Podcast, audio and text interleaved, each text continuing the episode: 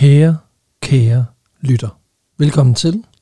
Du skal nu lytte til episoden, som vi optog på vores store aften inde på Musikhuset i Aarhus, hvor vi var så heldige at få lov til at, at tage vores lille show her ud i virkeligheden og, og vise det til 290 glade gæster, som, øh, som fandme bare kan max gas. Altså.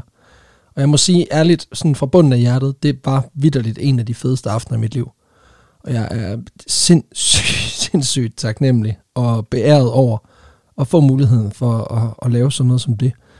Fordi hold nu kæft, hvor var det bare fedt. Altså at kunne kigge ud i salen og spotte nogle ansigter, som man ligesom kender fra, fra de diverse Facebook-grupper, som er tilknyttet den her lille podcast, og, og ligesom bare se, at I er ægte. At I ikke bare har et tal på en skærm, men at I fucking findes. Altså, det var, det var kæmpestort.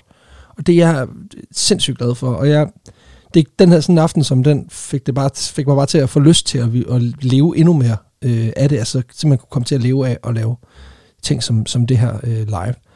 Og øh, det er ikke lige nu, men det kan være, det kommer en dag. Så det er bare for at sige tusind tak for jeres støtte. Tusind tak for det kæmpe engagement, I har i vores, i vores podcast her. Altså det betyder virkelig, virkelig meget for os begge to både det, at de lytter, men også i særdeleshed dem, som, som lige giver et par kroner på tier, eller som skriver sig op via vores Zetland-samarbejde, eller dem, som køber de her billetter til live shows. Altså det er virkelig det, som gør, at vi kan lægge den der mængde energi i det, som vi gerne vil, og ligesom blive ved med at forbedre os, og lægge, lægge en masse kræfter i at lave dels nogle, nogle fede live-events, men i høj grad også at tage tiden ud til at sidde øh, lange aftener og skrive de her øh, episoder, det er, det er 100% det hele værd. Altså dels at, at generere lytter videre, at man gør en forskel derude, men også at, at man ligesom kan se, at man, man kan faktisk godt forsvare det over for sin familie. Det, det, det er super fedt. Så, så tusind tak til jer alle sammen for, for den kæmpe store støtte.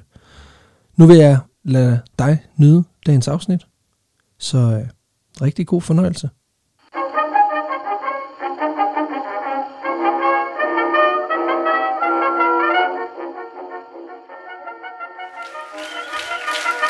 Hej. Halløj. Hej. Nej, nej, rolig. Lidt mere.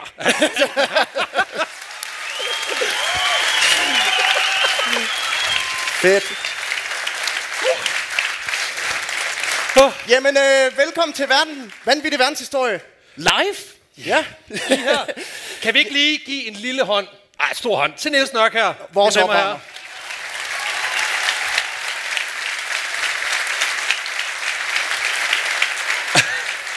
Shit, mand. Hold kæft. Hold kæft, hvor er det godt at se jer alle sammen. Altså, vi har virkelig, virkelig glædet os til det her. Jeg, altså, jeg var virkelig nervøs der i, øh, i torsdags, da de holder pressemøde. Jeg var altså også virkelig nervøs Øh. der i øh, april, hvor vi skulle have afholdt. Og jeg har simpelthen skulle tisse lige siden, men øh, det er ikke kommet endnu. Så, øh, men måske kommer nok en dag. om en halv time. Ja, Så, så, altså øh, jeg sad sådan, øh, jeg, jeg, jeg sad og skrev med Alexander der, da der var pressemøde, hvor hun så, øh, hvor Mette mor, hun siger, øh, og forsamlingsforbuddet vil nu være ved 50 mennesker. Så skriver jeg til Alexander, pis! Så lige bagefter, så siger hun, men mindre det er siddende arrangementer, så 500, yes! Det var så fedt. Jeg hedder som altid Peter Løde, og, Og jeg hedder medvært. Alexander Janku, a.k.a. Magnus Ostedrejer Johansen. og hvis Bjarke, hvis du er herude, så før lige til proto- protokol med det samme, så vi ligesom er opdateret allerede nu, ikke også? Hvor sidder du henne? Kan jeg se dig? Ja, tak! Mange tak. Fedt.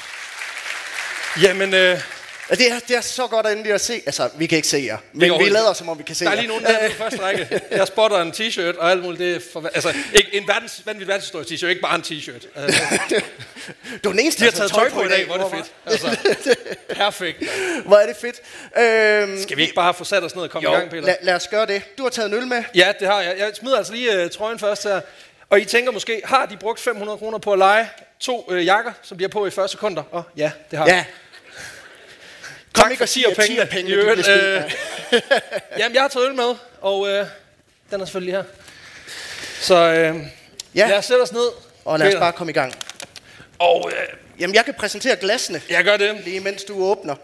Yes, Det er, altså, uha, nogle glas, vi har fat i her. Det er, øh, det er lidt af et fund. Altså, dem ser man ikke så tit, for jeg bestiller ikke så tit små øl.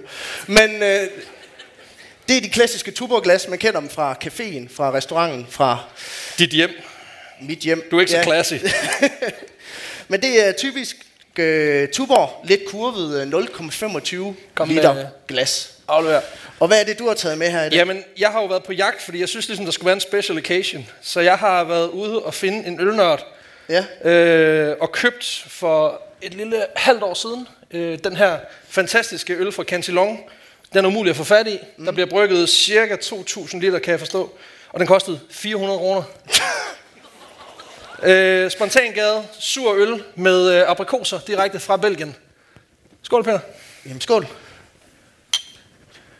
Læg lige mærke til, at vi også holder corona-afstand. Det synes mm-hmm. jeg er meget fedt.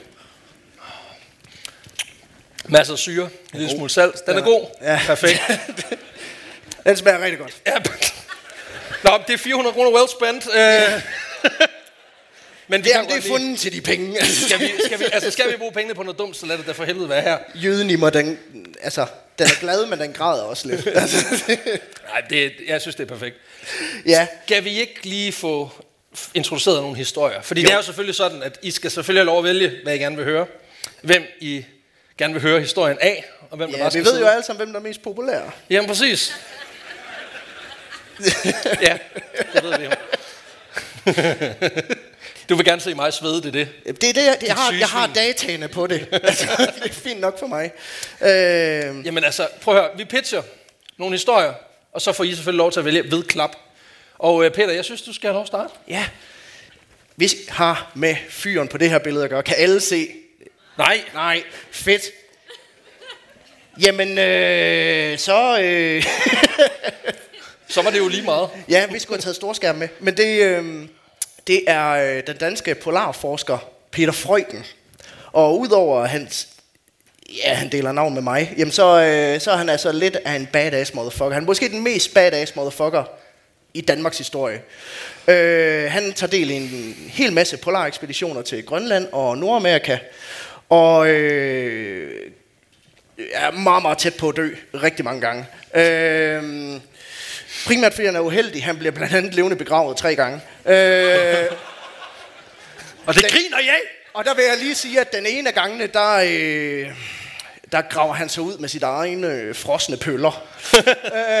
øh, en af de andre gange, der skærer han så sin tær af bagefter, fordi der er gået koldbrand i den. Så han har, rigt, han, altså, han har en dårlig track record, men han har faktisk betydet rigtig, rigtig meget for dansk polarforskning. Og senere, så, øh, jamen, så øh, kan jeg fortælle han senere, øh, Shh, Peter. Du skal ikke afsløre alle pointerne. der er noget med nazister. Så kort kunne det gøres. Jeg har ikke taget en person med. Øh, Det handler om en person, men jeg har taget billedet en tank med. øhm, fordi, øh, har alle, der er herinde, hørt vores podcast? Ja, tak. Har alle hørt historien om Captain Killdozer? Ja, øh, det her, det er jo manden, der gjorde det først. øhm, han byggede ikke selv, men han tog en, en voldsom tur i San Diegos gader i en 60 tons tung øh, Patton M60 tank. Fedt. Og man kan sige, det sjove er, at det her det er ikke det vilde af hans historie. Det er alt det, der leder op til, at manden han stjæler en tank og kører igennem San Diegos gader i, i barkas. He did it before it was cool. Lige præcis. Ja. Så øh, jeg vil ikke sige så meget mere, end hvis I vil høre den originale historie om øh, Captain Killdozer 1.0, så er, det, øh, så er det altså hos mig, I skal vælge. Men altså, jeg tænker bare, dem der gerne vil høre Peters historie, de klapper nu. Au. Okay, ja. Fair nok. Og dem, der gerne vil høre Alexanders historie, de klapper nu. Nå, Hvad, er det mig? Er det mig? jeg, øh, jeg tror, jeg jinxede lidt, da jeg sagde, at jeg var Mr. Popular. Øh, Nå, Jamen altså. jamen det må være øh, Captain Killdozer Så tager jeg jo 1.0. bogen frem her og finder Captain Killdozer Ja, i systemet. vi, øh, du sidder simpelthen og swiper i en bog. Øh, Der er simpelthen der er en iPad inde i. Har jeg siddet det, er alligevel, natten det er meget millennial-agtigt, sådan at åbne en bog. Hvad gør hvad, Swiper lige. øh, øh. Det ligner en boomer, der prøver at læse en bog. Eller det er faktisk en millennial, der prøver at læse. Den swiper helt vildt dårligt, den her. Nå, Men jamen, haptisk øh, feedback, det ligger. øh, Nå, jamen det bliver Sean Nelson, vi skal høre om i dag. Øhm, fordi vi skal som sagt, handle, det handler om historien om en, øh, en mand, der bliver træt af pis, og gerne vil hævne sig på lokal miljøet. Øhm, men som så også oven i hatten har taget den formelle uddannelse, der rent faktisk er til at destruere et helt boligkvarter. Okay, ja. Og måske endda har fået uddannelse af samme stat, som i bund og grund bliver smadret under hans røde. Øhm, Okay. Vi skal simpelthen snakke om den originale Captain Killdozer.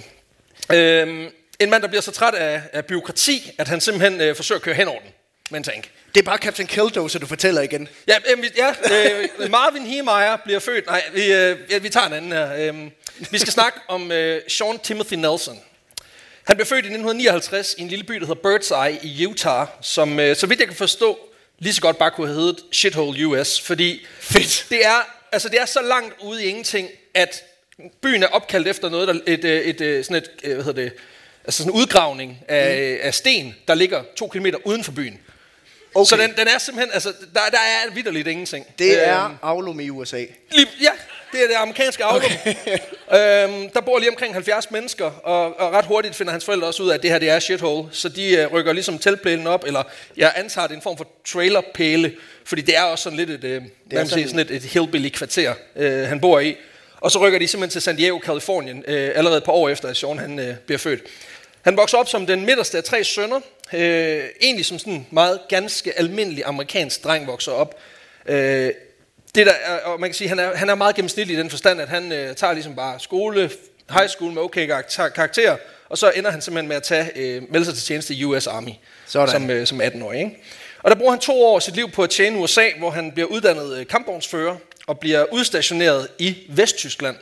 Øhm, hvilket jeg også synes virker lidt, lidt sindssygt, ikke? Altså at man tænker, vi kunne sende dem til Irak, Bosnien, Afghanistan. Der er sådan ligesom en masse steder, hvor amerikanerne har været i krig. Men Vesttyskland, det er simpelthen lige for at holde, øh, Ja, for at holde skansen. han blev sendt over til deres venner. Jamen lige, jamen lige præcis. Og, og igen, jeg tror ikke... I tilfælde af, at de prøver på noget. Jamen jeg tænker også bare, en tankfører kan jo ikke gøre pisse meget, hvis der bliver sendt atommissiler afsted. Men, men igen... Ja. kan, han kan ringe. Ja, nu kommer de. de, de, ikke at de ikke vidste det i forvejen, men øh, Tag, tag lige hjelm på. ind, under, ind under bordene, de kommer. øhm, men han stopper så efter to år i herren i 1980 øh, på det, der hedder en, en honorable discharge, som simpelthen er sådan en, hvad man sige, han har ikke lavet særlig meget ballade. Han, øh, han har klaret det fint, han har gjort det okay, Okay. ud af herren igen. Der fremgår dog af hans papirer, at han har nogle, nogle små sager, nogle små disciplinære sager, om at han ikke har det skide godt med autoriteter og disciplin. Okay, Ja. Og det er sådan et lidt mærkeligt sted at være, hvis du ikke kan lide de to ting. Altså herren er, er det ikke ligesom det, der ligesom er ideen. Ja. Øh, men, men, men Og åbenbart så i dag ikke. i Vesttyskland, hvor de, hvor de er endnu mere, altså... Ja, øh, præcis. hvis man nogensinde har mødt en tysker, ikke? Altså, det er bare regelen, regelen, regelen. Altså, sådan lidt det. Ja, men åbenbart så, øh, så er det ikke et problem. Det er i hvert fald nok til, at han, bliver, han bare kommer ud og kan leve the sweet, sweet afterlife. Fedt. Som øh, en tidligere militærmand, som US veteran. Han får sig en kone, Susie. De får bygget sig et dejligt hus i, øh, i bydelen Claremont, og han øh, får faktisk bygget en, en rigtig fin forretning op som blikkenslager. Super. Slut. Ja, det går rigtig, rigtig fint, og det er også fedt, fordi folk i San Diego, de har mange toiletter, og, og de skal altså virkelig have, have dem fikset. Og der er Sean altså manden, der, der står for det. Jamen, du skal huske på, at vi snakker 80'erne her, det vil sige, at fastfoodkæderne, de sådan virkelig har fået, fået fart på. Så der er brug for gode der, der, er virkelig noget, der er noget racermave, der skal gøres op med, og man kan sige, der er penge i lortet. Øh, Hvis han var man bare ellers, den, den lokale Taco Bell, den åbnede, så var han bare. Præcis. altså hvis man kan leve med at ordne folks øh, lorteproblemer, så, så tror jeg, der, der er good money her, ikke? Fedt. Øhm, og man kan sige, lige nu har han en rigtig fin livskurve, og man tænker, hvad kan næsten gå galt? Ja. Og hvordan kan det her ende i en tankrelateret ulykke, som Altså- jo selvfølgelig bliver fanget på video, ligger på YouTube. Vi kan lægge et link i beskrivelsen efterfølgende. Det skal I nok få glæde af, det kan jeg love jer. Det der så er, det er, at man kan sige, vi kommer igennem en rimelig trist og meget personlig derute, både for ham, men også for området, han bor i. Fordi øh, meth, metamfetamin, det er et rigtig lortedrug, kan jeg, kan jeg lige fortælle. Øhm, hvis man ikke er klar over det. For der er rigtig mange drugs, der er rigtig dårlige. Men, men meth, det er helt klart en af de Rigtig mange, men ikke dem alle sammen. Det. Nej, nej. Jeg skal ikke gøre mig til dommer, men jeg ved bare, crystal meth, det er noget fucking lort. øhm, og det skal vi lige, vi skal okay. lige prøve at klargøre, hvad fanden, hvad, hvad kan det egentlig? Hvad er det for en sjov størrelse? øh, det bliver først skabt i tysk Hvad er laboratorium. det, hvad kan det, og hvad koster det? Ja, præcis. Cirka 300 kroner grammet øh, hernede. Nej, nej. Strip det. Min hustru er her. Vi skal passe på med at sige det. Øhm, nej. Det bliver første gang skabt i et tysk laboratorium tilbage i 1887 af en øh, rumænsk kemiker, der hedder Lazar Edlonanu. Det gør han ikke, men det, det er sådan, jeg... Det var det, Google Translate sagde, at han hed. Øhm, Okay. ja, nå jo, masser. Øh, senere bliver det, bliver det lykkedes det en japansk kemiker, som jeg ikke har navnet på, men helt sikkert heller ikke kunne udtale, øh, at lave det i krystalliseret form, hvilket er en, er en noget stærkere kombi. Øh, stoffet får sin store, øh, sin store opblomstring under 2. verdenskrig, hvor øh, nazisterne de bruger det under navnet pervitin. Okay. Det er et, middel, som i første omgang bliver sådan, øh, gjort bredt tilgængeligt som sådan antidepressionsmiddel. Og vi ved jo alle sammen, altså hvis du går og er lidt træt og deprimeret, så prøv meth. altså, du bliver så glad. Meget kort. Man kan så, sige meget om de hillbillies, men de er glade alle sammen. Det er de. Lige præcis, lige præcis. De har ingen tænder, men masser af glæde. Lige præcis. Det starter som et antidepressionsmiddel, men efter at øh, den tyske læge Otto Ranke, han eksperimenterer med at give det her til nogle unge studerende, så finder han ud af, at wow, de kan holde sig vågen længe. Og wow, de kan holde koncentrationen, ikke? Det er, Og- og- det, er et study drug. Ja, lige præcis. Det er et pissegodt study drug. Og især sådan der i slutningen af 1930'erne, hvor, hvor man sådan går og pynser. Man har sådan nogle små iværksætterprojekter rundt omkring i Tyskland. Der er det altså fedt at have nogle folk, der bare er locked inde på deres, øh, deres mission. Så øh, man får hurtigt øh, en, en god produktion af det her fantastiske pervitin op at stå. Mm. Øh, og det bliver simpelthen brugt i den tyske her under, øh, dels under fremmarsen i Frankrig, men også rundt omkring i, altså i alle de store indtagelser, der er Ja. af landområder i, i starten af, af, af krigen i Tyskland. Okay, så jeg skal, bare Øhm, lige, for, jeg skal bare lige forstå noget. Ja, Hitler, han har brugt Tiger King-strategien ja, ja. for at få folk til at holde med ham. Ja, tak. Tiger King, han var jo meget, altså han, han var jo, jeg går ud fra, at alle har set Tiger King, fordi hvis man ikke har set Tiger King, så har man, ja, som led under en sten det seneste år næsten. Men han gjorde jo det der med, at, at, at alle hans kærester, dem fik han afhængig af methamfetamin, fordi så forlod de ham ikke. Nej. Og det er det samme Hitler, han gjorde Ja. med sin her. Fedt. Han får i hvert fald produceret 35 millioner tabletter til, øh, til brug under blitzkrigen, under invasionen af Frankrig. Og, og de er altså svært glade for det. Men der er alligevel nogle lidt trælse bivirkninger, fordi det viser sig, at når det her drug det holder op med at virke, så bliver soldaterne altså ret trætte, og de får sådan nogle rigtig lede meth tømmermænd faktisk. Og- Øh, og de begynder at tabe sig, og får humørsvingninger, og hallucinere. Okay. Ja. Alle gode ting, du skal som soldat. Øh, Men- se ting, der ikke er der. Øh, det er altid godt. Men ingen depression. Nej, præcis. Men han er så glad, så glad. Øh, smilet får man så heller ikke så meget af, for efter længere tids brug af det her, så får man det, man faktisk kalder for meth mouth. Øh, som simpelthen er, er det, hvor tænderne begynder at falde ud, øh, og hvor mundhulen generelt bliver bare til et stort sår, fordi øh, en, en meth-bruger har en tendens til at skære tænder helt vildt meget. Øh, og, og, og det her drug udtørrer munden, det vil sige, at der opstår simpelthen sprækker i, i munden. Så, så de, har set, de har set godt ud, de tyske soldater.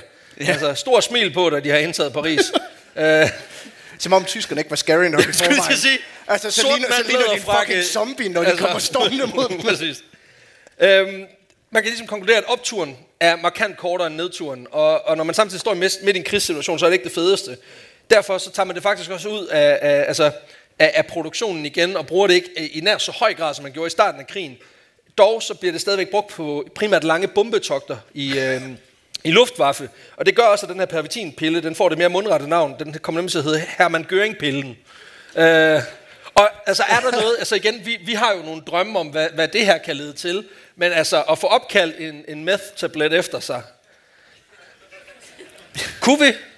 Men, nyt merch, jeg ved det ikke. Øh, Jeg siger, altså nu, vi må, vi må ikke sælge merch her i aften på grund af corona. men ud men vi har en merch, vi kan købe ud bagved. Altså, og jeg håber så meget, at der er en af vores lytter, der er politimand. Det vil være så fedt at blive arresteret efter et show. Og det vil også kunne et eller andet på en.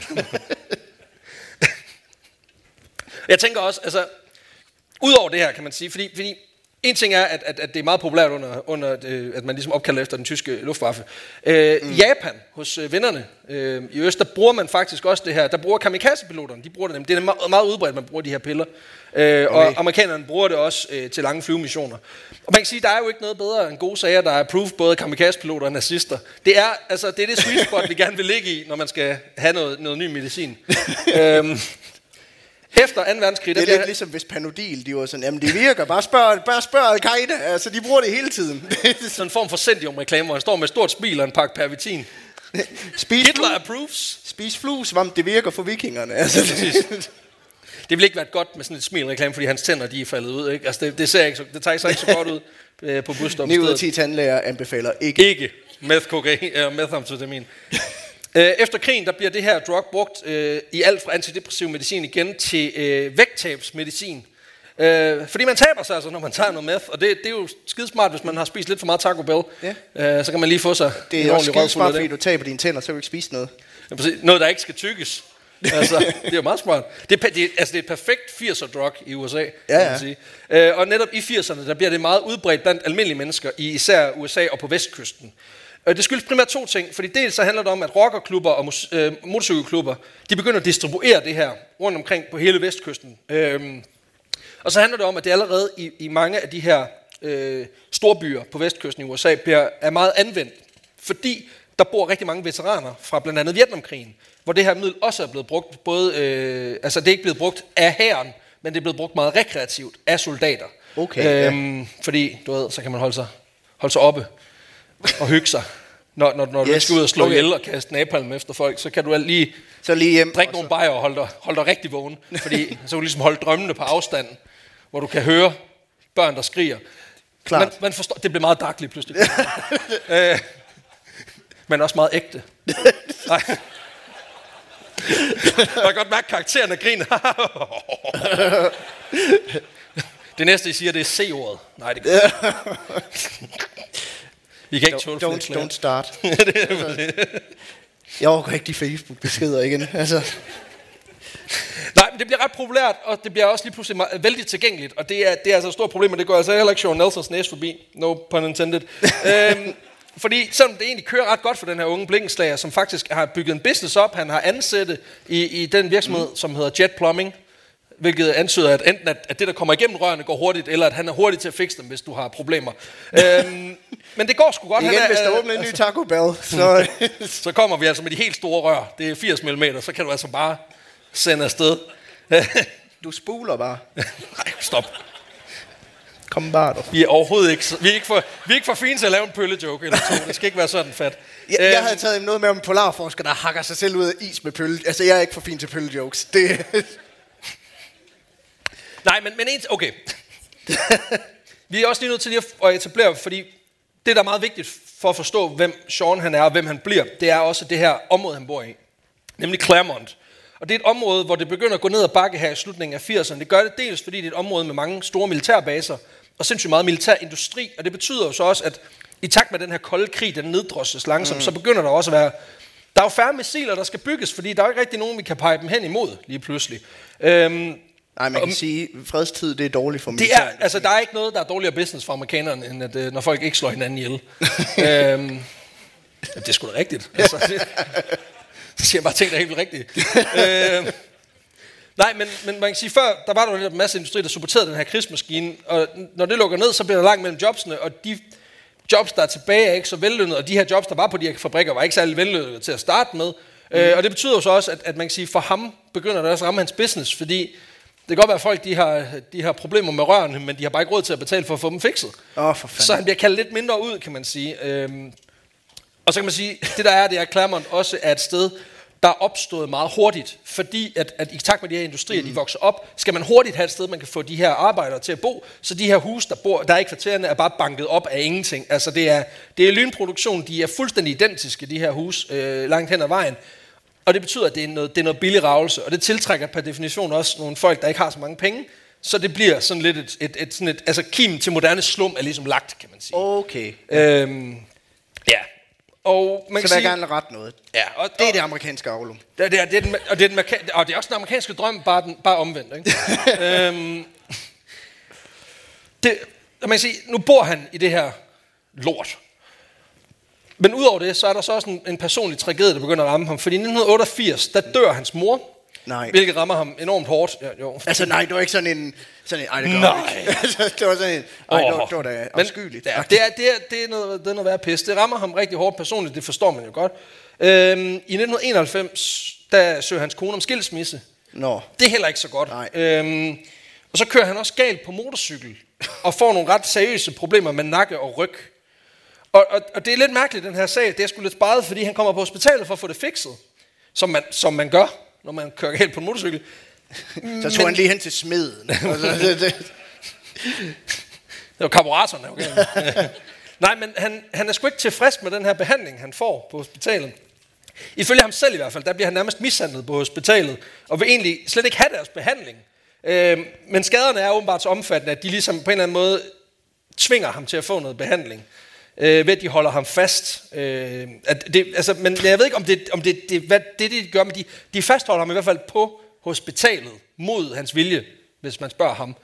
Okay. Og, og jeg tænker ikke, at det, jeg ved ikke, om det er en dårlig ting, at det er sådan, at du brækket ryggen. Du skal blive her. Nej! jo. Jamen, så prøv at gå, kammerat. Altså, hvad for det? Øhm, Jeg stikker af. Jamen, det gør du bare. nej, men og det er jo det ikke. Altså, det lyder som om, at de har i hvert fald forsøgt ligesom at holde ham, så det har måske ikke været så gralt som en brækket ryg, men alligevel nok til, at de har vurderet, du kan ikke gå på det der. Du skal i hvert fald ikke gå på det der. øhm, men, men jeg tænker også, det er en vild måde, et vildt sted at kæmpe imod. Altså hvis du er faldet af en motorcykel med 80 km t og du tænker, I got this. Altså, jeg har det fint. Altså, jeg, jeg har haft hold i ryggen. Jeg kan ingenting. Altså, hvis I synes, altså, altså, hvis I synes, jeg er ynkelig nu, så skulle I se mig med hold ryggen. Altså, det er helt galt. øhm, min kone kan, kan bekræfte. Øh, men, men alligevel, de fastholder godt ham. han- bare sådan, det skal bare gås væk. Det er fint. Ja. Det, øh, Og, og det er ligesom der, han, han er personligt, fordi øhm, han mener, at det er en ufrivillig indlæggelse. Øh, han mener, at de har øh, forvoldt, at de har lavet vold på ham, ydet vold på ham, mm. og de har frihedsberøvet ham. okay. Så han sagsøger det hospital, der har behandlet hans, hans ryg og, og nakkeuheld øh, for 1,6 millioner dollars. Det Prøv lige at forestille dig det. Randers Hospital, efter du væltede på motorcykel. Jeg sagsøger jer for hvad? I fikset mig! Øh, det var ikke det! Jeg, ved det ikke. Det kan jeg, ikke. jeg kan virkelig ikke få det til at give mening i mit hoved. Var der noget i vejen med behandling? Nej, den var perfekt. Jeg vil bare ikke have den. Ja, præcis. Lad mig også bare, det der med, jeg siger jo ikke, at han er en dæk, men der skal være et eller andet galt med dig, for at du sagsøger et hospital for 10 millioner, for rent faktisk at blive behandlet, efter at du har meget dig selv i smadret på en motorcykel. men det er ikke et problem. Det er øh, America for you. øhm, og til alle chok og forbavselse, så ryger den her sag i retten. Og Superior Court, de melder lige Sean Nelson ned og siger, øh, nej, det, det, det, det kan du sgu ikke. Det giver sgu ikke nogen mening. så øh, også fordi, at altså, argumentet er, at de, de har jo fikset dine problemer. Altså, hvad er det, du klager over? Jamen, de fikset det mod min vilje. Hvad vil du ellers have gjort? Det ved jeg ikke. Jamen, jeg vil Men gerne giv mig nu penge. Altså, Jeg kunne godt lide det problem. Jeg var så glad for det. jeg var simpelthen så glad for ikke at kunne bevæge mig. Men han taber altså den her retssag. Øh, og der synes jeg, det er ret smart, for der smider hospitalet smider simpelthen trumf på med et øh, modsøgsmål. Øh, de vil gerne have øh, 6.640 dollars for at have behandlet ham. Okay. Det synes jeg er fair nok. Ja, altså, det- Jeg ved ikke, om det er fordi, han har tænkt, hvis jeg nu prøver at søge, sagsøge dem for rigtig meget, så kan det være, at de indgår et forlig, jeg kan få den gratis. Altså, det kan jo også godt være, at det er den vej rundt, ikke? Men, Og det kan godt men, være. men det er også bare boss nok, at de lige har været igennem et søgsmål med en eller anden fyr, der har sagsøgt dem for over en million, og så siger de, ja, ved du hvad, vi skal have 30.000 kroner for, at vi fikset sat din ryg på plads. Den vil vi egentlig gerne have. Øhm, og det, det får de sjovt nok medhold i, og han ender med simpelthen at skulle betale de her penge. Øh, og det gør ikke noget godt for hans økonomi i forhold til, at altså, han, kan, han har også ligesom nedlagt sin forretning lidt øh, over tid. I hvert fald, jeg tror ikke, han laver, fik så ret mange lokummer i den tid, hvor hans ryg den er smadret. Men øh, igen, han lyder til, at han kan klare lidt af det hele, så det kan selvfølgelig godt være. Øhm, og det, det skal det er meget uklart, om han er begyndt at tage meth på det her tidspunkt. Men jeg, har Men jeg kan ikke udelukke, at når man sagsøger et hospital for at, at fikse ens rygskade, det, det, det lyder som sådan en meget methy valg at tage. Øh, Ja. Jeg sagsøger dem, jeg har den her. Altså, Altså- han er uovervindelig. øh, han kommer i hvert fald hjem efter færdig behandling og søgsmål tilbage til sit hus i Claremont, og så nu begynder der at ske en lidt underlig ting i, i, øh, i Seans liv her, fordi, øhm, fordi selvom man stadig ruller det her dayjob som blikkenslager, mm. øh, så begynder han at drikke rigtig meget. Nå, ja. Øhm, måske fordi, at du ved, så kan man ikke mærke ryggen. Øh, han er begyndt at invitere en masse venner over, og, og de drikker også rigtig meget. Øhm, og den her store macho-mand, han har ligesom lidt et knæk, fordi hans kone har jo forladt ham, og også bogstaveligt talt, fordi ryggen den er smadret. Øhm, og det gør også, at han bliver lidt, sådan lidt udadreagerende. Altså, han, han er ikke længere bare til at snakke med. Øhm, for det viser sig, at Sean Nelson, han er en rimelig meget en mean drunk. Øh, Okay, og aggress- aggressivitet og, og alkohol og meth er en rigtig dårlig cocktail. Det smager lidt af Cantillon fra 2019 her. Det, jeg tror, det er smagen. Ej, det smager ikke godt. Nej, det, nej, nå, nå, nå, nå. Øhm, der begynder i hvert fald at komme klager fra nabolaget om, at øh, der er masser af larm og ballade i huset. Øh, altså skænderier og deciderede slåskampe. Og der er Sean Nelson ofte en, en halvdel af, af den slåskamp. Øhm, Ofte halvdelen. Ja, Som om en gang imellem, så var det kun ham, der slås. med sig selv. Det er sjovt, du siger det, fordi det kan godt... Det, det, det lyder i hvert fald sådan, at nogle gange så har han slået sig lidt med sig selv også. øhm, ifølge den tætteste nabo, hans venner, der var det meget normalt, at Sean han ligesom ville sætte trumf på en diskussion, ved lige at tage den udenfor. Mm. Og så ligesom wrestle, som sådan en form for redneck, form for duel. Øhm, og, og det sjove er, at det, det står også anført i en af de dokumentarer, jeg har set til det her, at det var også nogle gange, når man havde diskuteret færdigt. var sådan, skal vi ikke gå ud og slås om det? Det ved jeg ikke, altså jeg har givet dig ret. Men, men skal vi ikke slås? Okay, fair. Men, ja, men, men jeg vil ikke have ret. Præcis. Øh, Han er meget sådan en, når han får det, han har brug for, så vil han ikke have det. Jo. nej, præcis. Nej, lige, ligesom behandling på hospitalet. øhm, ifølge Karen, som var hans nabo, så skete det ret tit, at hun observerede, øh, hun observerede flere, flere gange, at øh, de to kombatanter, de efter de havde været inde og diskutere, så gik de ud og wrestlede i baghaven. Mm. Øhm, og, og nogle gange så faldt de i søvn mid-combat. og det, det synes jeg er jo meget hyggeligt, ikke? fordi så, så sker der jo det, at den her oplevelse ændrer karakter fra at være sådan en eller anden form for fysisk konfrontation afstedkommet af en disput af en eller anden art, til at få sådan en kærlig twist. Mm. At, at, nu har vi ligesom slåsset, Ja. og så nu er du lille ske. Jeg kan forestille mig, at man er midt i et vicious takedown, man har ligesom headlock og er klar til ligesom at choke ham ud, og så lige pludselig Og så, så- så, og så så lige- begynder methen at ramme, og så oh. får man lige, lige et dejligt kys. Det, kan jeg, det, det, det, det var det, jeg drømte Jeg øh, vil i slås væsentligt mere i byen, hvis man puttede bagefter. tror jeg. Altså, nu har jeg jo øh, boet i Randers ah, i man fire lover år. and fighter. Altså, Altså, jeg vil sige, i min tid i Randers, der er det ikke det, der, det, er ikke, det er ikke det typiske billede, man ser. At øh, to steroide container, de står uden for Crazy Daisy og tæsker hinanden i hovedet med en Bacardi Ras, og bagefter så giver de en, en stor krammer. Øh, selvom det unægteligt ville have ændret billedet af byen, det, så var jeg nok blevet boende lidt længere, det må jeg indrømme. Jeg vil så faktisk sige, at min underbo Thomas, som var sådan en stor, pumpet, tatoveret fyr, som øh, troede mig rigtig gralt til min indflytterfest, han var faktisk rigtig sød bagefter. Så det kan godt være, at det sådan kom bagefter, øh, at han simpelthen, øh, at det er sådan en naturlig progression i, i, at når man er helt op og kører, men så bagefter bliver helt vildt kærlig. Det skal jeg ikke kunne sige.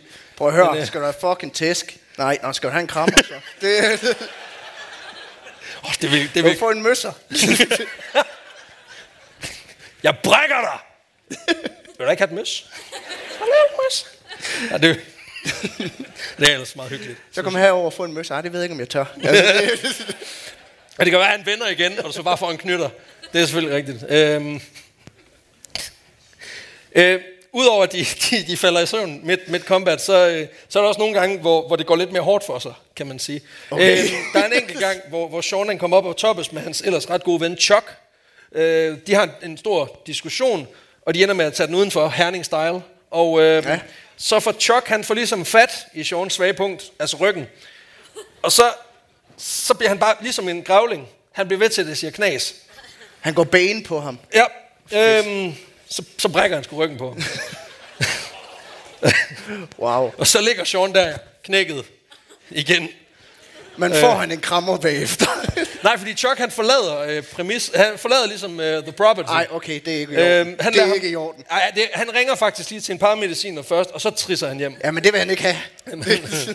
Øh, Karen, hun kommer også og, fortæl, og hjælper med at få tilkaldt en ambulance. Og så tager han afsted og får, får ryggen fikset anden gang. Og der, der er det uklart, om han sagsøger hospitalet. Øhm, og man, der, der har han ligesom lært lektien. Ej, jeg kan godt se, det er måske lidt dumt. Øhm, og han får ikke så meget ud af at, at sagsøge anden gang. Jeg får bare, de, de modsagsøger alligevel, så det kan være lige meget. Øhm, men det er simpelthen mandens hverdag nu. Altså, fixer lokum og by daytime og by nighttime, der er han bare øh, El Nacho, wrestler ude i baghaven og knækker rygge Okay. som om i morgen ikke eksisterede. Så øh, hyggelig type, og det er så her, kan jeg forstå på nogle af kilderne, at meth ligesom kommer ind i mixet. Når det har ikke været inde inden. Ja, præcis. Okay. Så, så hvis du forestiller dig en gang fondsaft med kokain, og så bliver der lige smidt svampe oveni. så nu, nu bliver det rigtig hyggeligt. Øhm, det, har formentlig, man kan sige, det her meth har formentlig ligget under overfladen i lang tid, øh, fordi det har været meget tilgængeligt. Øh, blandt andet hans nabo, Karen, som blandt andet ringede til ambulancen, da hans ryg er brækket. Øhm, Det er en af de hendes- gode Karens. det er den gode Karen. Ja, det er den bedste Karen. Hun er ikke sådan, can I talk to a manager? Hun er mere, er der mere meth Karen? øhm, fordi hun, hendes hus fungerer primært som sådan en første sådan halfway house. Ikke officielt, men sådan et sted, hvor folk de kommer, når de kommer ud af spillet. Mm. Øh, for at købe noget meth, eller noget weed, eller en pistol. Sådan nogle ting ja. Har øh, Karen i butikken. Øh, så hun er, hun er en fed nabo. Øh, og vi kommer også lige ind på hende senere i historien, fordi hun er altså en, en fed type. Øh, og det er måske, formentlig i hvert fald der, han er kommet ind i det, fordi altså, rigtig har, mange... Har er- hun en kiosk eller så? Nej, eller, nej, Nå, Nå, men altså, kan og det synes jeg ville være meget fedt, men du kom kan- ind sådan, og så hun sådan, skal du have snoller, eller skal du have snoller? Altså, det, Kan du bare blande for 20 dollars? Jeg er ligeglad, hvad jeg får i posen. Jeg tager bare alt godt fra bordet. Ah, bare være sikker på, hvad for nogle bolcher du tager. ja, præcis. Var der rasp i det der? Ja, det. det, er, jo- det, det er sidst på måneden, så tager man lige. Øhm, Nej, det er også bare det der med, altså det lyder jo sindssygt, når vi snakker om det her, at, hun sælger, at der er nogen, der sælger våben hos Karen. Men du kan jo købe en Glock i Walmart, så det er jo ikke, det er jo, altså, hun gør bare ligesom de gør nede i den almindelige kiosk. Ja. Så det virker jo ikke så, altså, det er jo ikke så fucked up alligevel. Nej, nej. Øhm, men det ville være ligesom, hvis der var nogen, der solgte blandt selv snoller ude i baghaven. Ja, det ville også være lidt fucked. marked. Det ville også være lidt fucked på en eller anden måde, hvis du skulle hen til Claus ind i hans baghave for at købe blandt selv. Det ville også være lidt mærkeligt på en eller anden måde. Øhm, Jeg skal bare have fire med til Nordmænd. Kommer i sådan en jakke her, og har simpelthen bare blandt selv slik under. og, en, og en stor tivoli-stang. kan du fikse det, Claus? Har du øh, spejdersnus? Ja, ja. Så skal du komme ind nu. Altså, jeg er lige frisk blandet, det er lækkert. øhm, Jeg skal have noget, der virkelig giver mig et skud af spejderhavl. Så, altså, okay, nok med farjokes, vi skal videre, Peter. Øh, fordi nu bliver Sean rigtig mærkelig. Øhm, Nå, Ja. Fordi, okay, en dag, der finder han noget guld ude i sin baghave. Øhm, og det bliver altså starten fordi på... han bor for enden af regnbuen. Eller hvad? Prøv at høre. Der står vildt... Det tror han i hvert fald på det meth der. Nå, Jamen, i, i, hva? kilder, i det kildemateriale, jeg har fundet, der står vildt, a day he discovers gold in his backyard. Der står ikke noget om, Som hvor meget, men, jo- som men jeg, gør. som jeg forstår, så er det sådan, nogle, det er sådan en lille klump, måske to bitte små sådan nogle flakes af guld. Øhm, jeg formoder, at det er sådan noget med, at han, han er vågnet efter en, en lang aften, og, og hans wrestlingpartner partner er smuttet.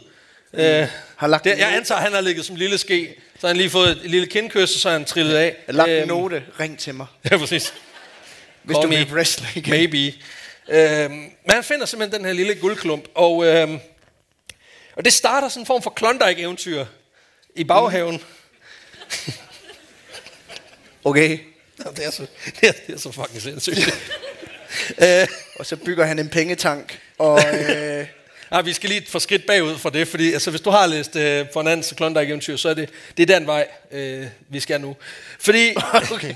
øh, Sean Nelson, han er ikke typen, der gør tingene halvt. Øh, han går i gang med at grave et øh, 4-6 meter dybt hul i sin baghave. øh, og så går han i gang med at bygge en fucking guldmine. Øh, jeg held og lykke med. Prøv, du, ja, vi lader den lige synge en gang. Øhm, Okay, ja. og det er vigtigt, at vi lige... Så byen, den bliver bare et endnu større hul i jorden. Et boomtown. Ja. øh, og så går han der, og han hallucinerer i sådan syv små dværge, der går og hej ho. præcis. præcis. Øh, vi skal lige tilbage og snakke lidt om crystal meth, fordi... Ja, det har vi ikke snakket om. Jamen, jamen, det, jamen, det er meget vigtigt for det her, fordi det, som folk, der tager det her fast, de synes er rigtig fedt med crystal meth, det er, at man bliver fucking produktiv af at tage det her drug. Øhm, Man er simpelthen op all night, og man får tusindvis af fede idéer. Øh, øh, Karen, hans nabo, igen, mm. også øh, rigtig hyggelig, øh, rekreativt methhead. Hun starter oprindeligt på meth, fordi hun overtager sin mors hus. Og moren, hun er sådan en hoarder, der har samlet, lort op, øh, samlet en masse lort sammen i huset gennem årtier. Altså hun er sådan en af de der typer, som hvis der er nogen, der lægger en udstue op på Facebook øh, Marketplace, øh, så tager hun ud og henter den. Så det der hus er bare været, altså det har bare været trash city. Det har jeg også Øh, altid tænkt på i de der grupper, at så er der en eller anden, der lægger en eller anden altså dims op til, til en vaskemaskine, og så er det bare lige nedenunder, dem jeg gerne hente, og så kø, kø, kø, kø, kø nedenunder. Altså, hvem, hvem gør det? Hvem, Nå, men altså igen, der er, jeg tror, vi har alle sammen, altså alle, der har boet i sådan en mindre provinsby, har haft den der lokale særling, der havde 26 vaskemaskiner stået ude foran. Altså, mine forældre, de lejede ud til en fyr, der vidderligt havde øh, fem eller seks gamle biler stående, der bare læggede olie direkte ned på deres grund. Så de findes derude. Han har så også sat kamera op, fordi det viste sig, at han vist nok solgte narko og sådan nogle ting. Så, men han gravede ikke en guldmine i baghaven, så alt er godt. øh, Men han fandt olie. Altså,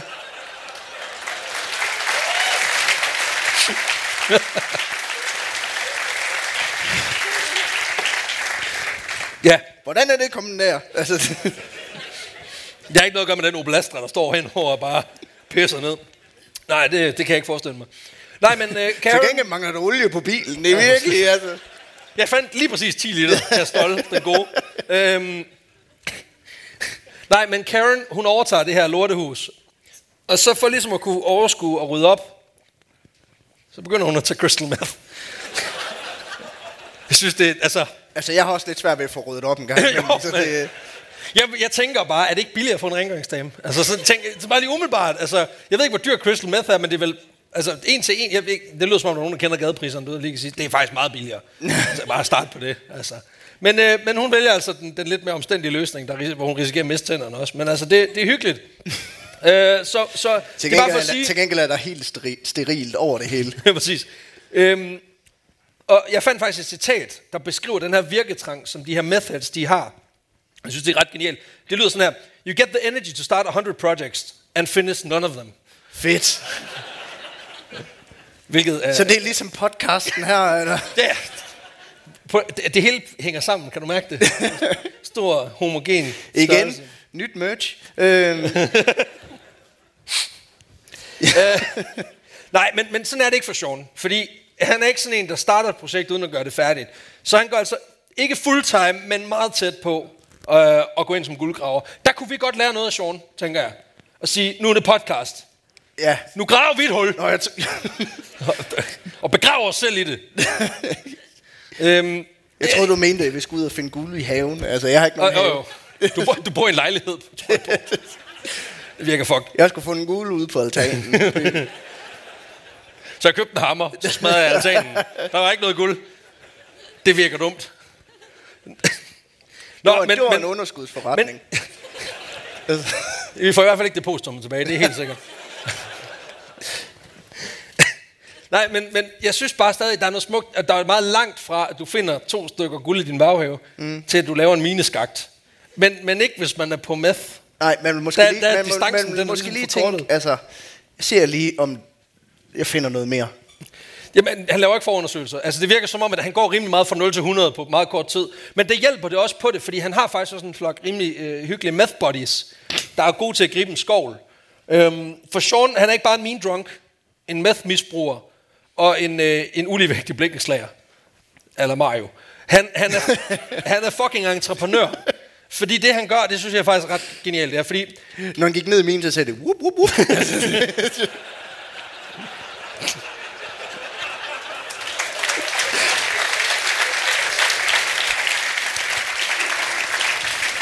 Nu, går vi, nu springer jeg lige ud af fortællingen og siger, at det der det var et genialt setup til en joke, der kommer om kvarter, cirka. jeg smasher lige om lidt. Øhm, øh, Der var siden, så stor dinosaur dernede med... du er tættere på, end Det var methen, der gjorde det. Du, altså, du er så meget tættere på, end du tror. Det er ikke helt vildt. Øhm, Okay. Det er derfor, han skal bruge en tank. Det, Stop, stop. Du, du bliver bare spoilers nu. Øhm, ved siden af jobbet som blinkenslar, der, øh, der oplærer han faktisk også, også nogle af hans venner til at være blikkenslager. okay. Og alle hans venner er rimelig meget enten fulde eller på meth, hvilket vil sige, at han er i gang med at bygge sådan en sindssyg her. Altså sådan nogle meth zombie blikkenslagere, der bare fikser lorteproblemer i hele Claremont. okay. Og bare er super effektive og vågne. De kommer mellem 4 og 6 om morgenen, det virker helt fuck. De, kom- men de, de får altså bare fikset de når man- rør. Sådan der. Det er Øh, sådan, når han ringer og siger, jamen jeg, jeg er der øh, mellem 8 og 16, så er han der fra 8 til 16. Og det jeg kun mig selv ind, jeg har gjort det færdigt. Jeg har også bygget et nyt badeværelse. Det er fint. Det skal du ikke tænke på. Jeg har gravet en mine ude i din have. Hvordan kom du ind? Jeg gravede mig ind. Det var ikke noget problem. Jeg fikser det nedefra. Det skal du ikke tage dig af. Øh. Men, øh, men, men jeg siger, nu har han så den her her af narkoblikkens slager. Og så har han så også den her guldmine, som virkelig er begyndt at tage form. Øhm, Sådan. Det er et stort rundt hul, Sådan, der går nedad. Øhm, og det han gør, og det er ret fedt, det er, at han begynder, fordi han er entreprenør, så han begynder at tilbyde folk at blive en del af det her Klondike-eventyr. Okay. Hvis bare de betaler med meth. Så det er sådan en meth, Fucking businessplan lige der. det er sådan en meth pyramidespil. Han er faktisk i gang med at skabe sådan en Herbalife bare med meth. Det er, det er fucking genialt. Hvis du så anbefaler til tre venner, som så anbefaler til tre venner. Så inden jeg ser mig om, så har jeg udgravet hele Claremont og fundet alt guldet. øhm, men ja, de betaler simpelthen øh, med meth for at få lov til at grave den her guldmine. Okay. Kan du tænke dig at grave et stort hul? Øh, det ved Det er også jeg. det, du får folk til at grave i din baghave, for, penge, for, for, og så får du narko for det. Det synes jeg, det er godt ting. Øhm, men, men det lyder også som om, at han er sådan chefen for det hele. Han bare sidder på sin øh, flade røv. Det gør han altså ikke. Fordi Sean har virkelig kastet al energi i det her projekt. Fordi vi snakker ikke bare et hul og en stige. Manden har bygget en mineskagt, der er 6 meter dyb. Okay. Der er forstærkninger i siderne. Der er sat en pumpe, eller flere pumper ned i, i skakten, til at fjerne vand, der kommer op fra, altså grundvandet, der kommer op nedefra. Øhm, og så har han simpelthen bygget et, professionelt hejseværk til at, at hejse de her udvundne sedimenter op, øh, hvor han så skal lede efter guldet. Finder han mere guld? Kom, det kommer vi til. Okay. Øhm, Der er sådan nogle mønter dernede, han samler sådan bling. ah,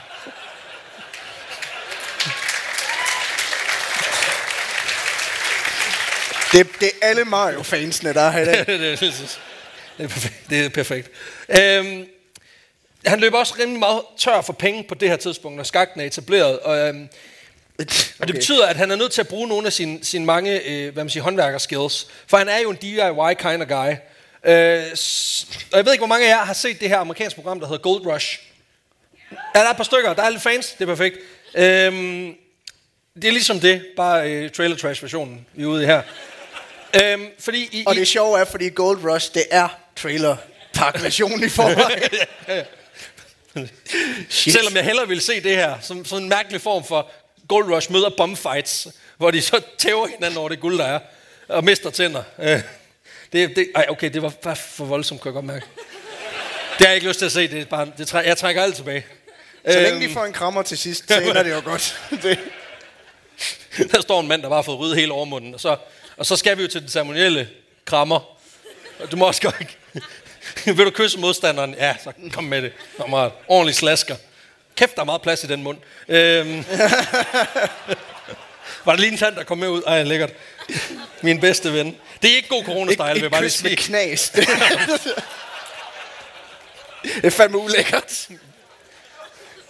Jeg synes, vi er blevet så hus, så, sådan en dejlig, ren podcast.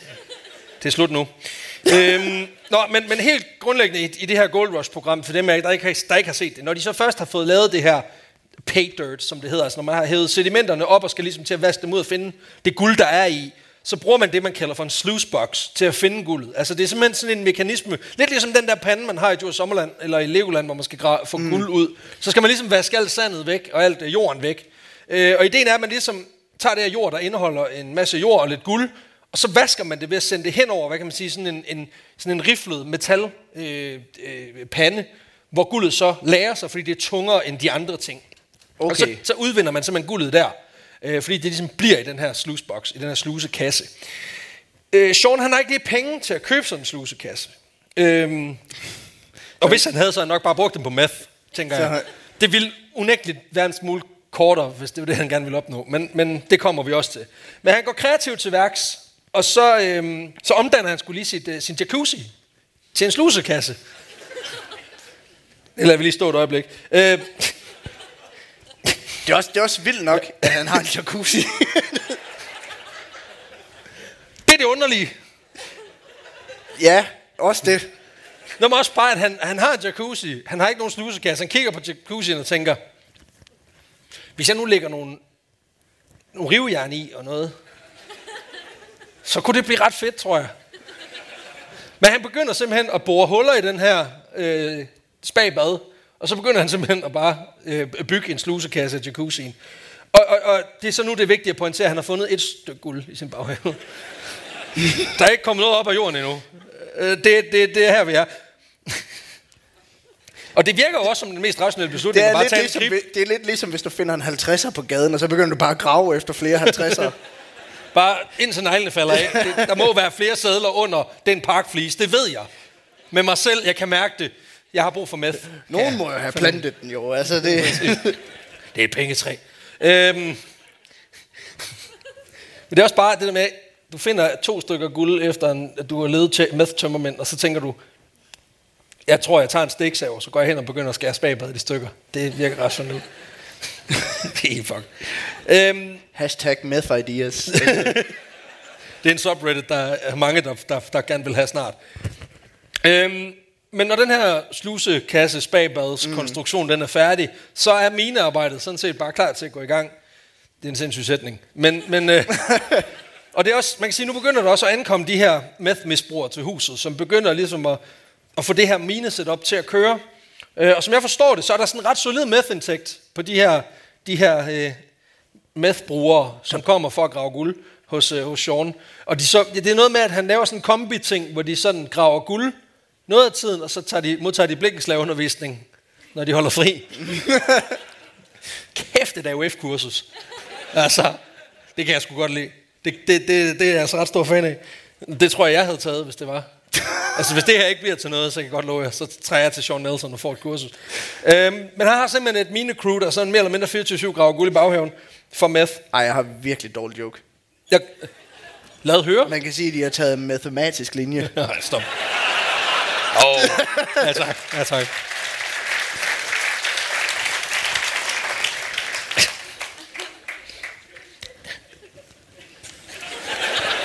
Ja.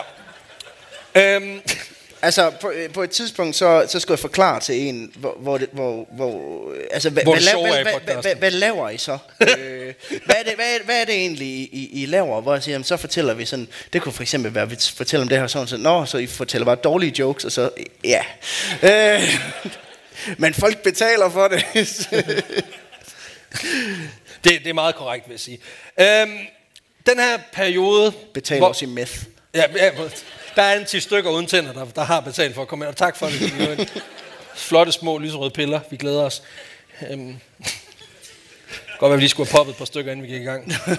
Det viser, det var Viagra. Lad os nu ikke snakke om det. Lad os komme videre. Øhm. Ja, det vi sagde, vi var glade for at se. Altså. Der er bare ikke mere at vise. Altså. Og det står jeg ved. Hvad er det for en tangent? Der er nogen, der siger, gider jeg godt lade være med alt det udenomsnak.